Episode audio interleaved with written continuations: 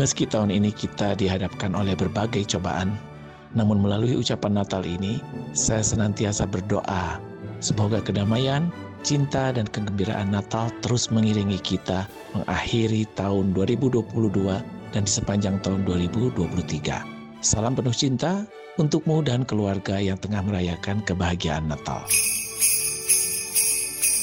Saya, Harvey Maleholo, anggota Komisi 5 DPR RI, fraksi PDI Perjuangan, Dapil Papua Barat, mengucapkan selamat merayakan Hari Natal.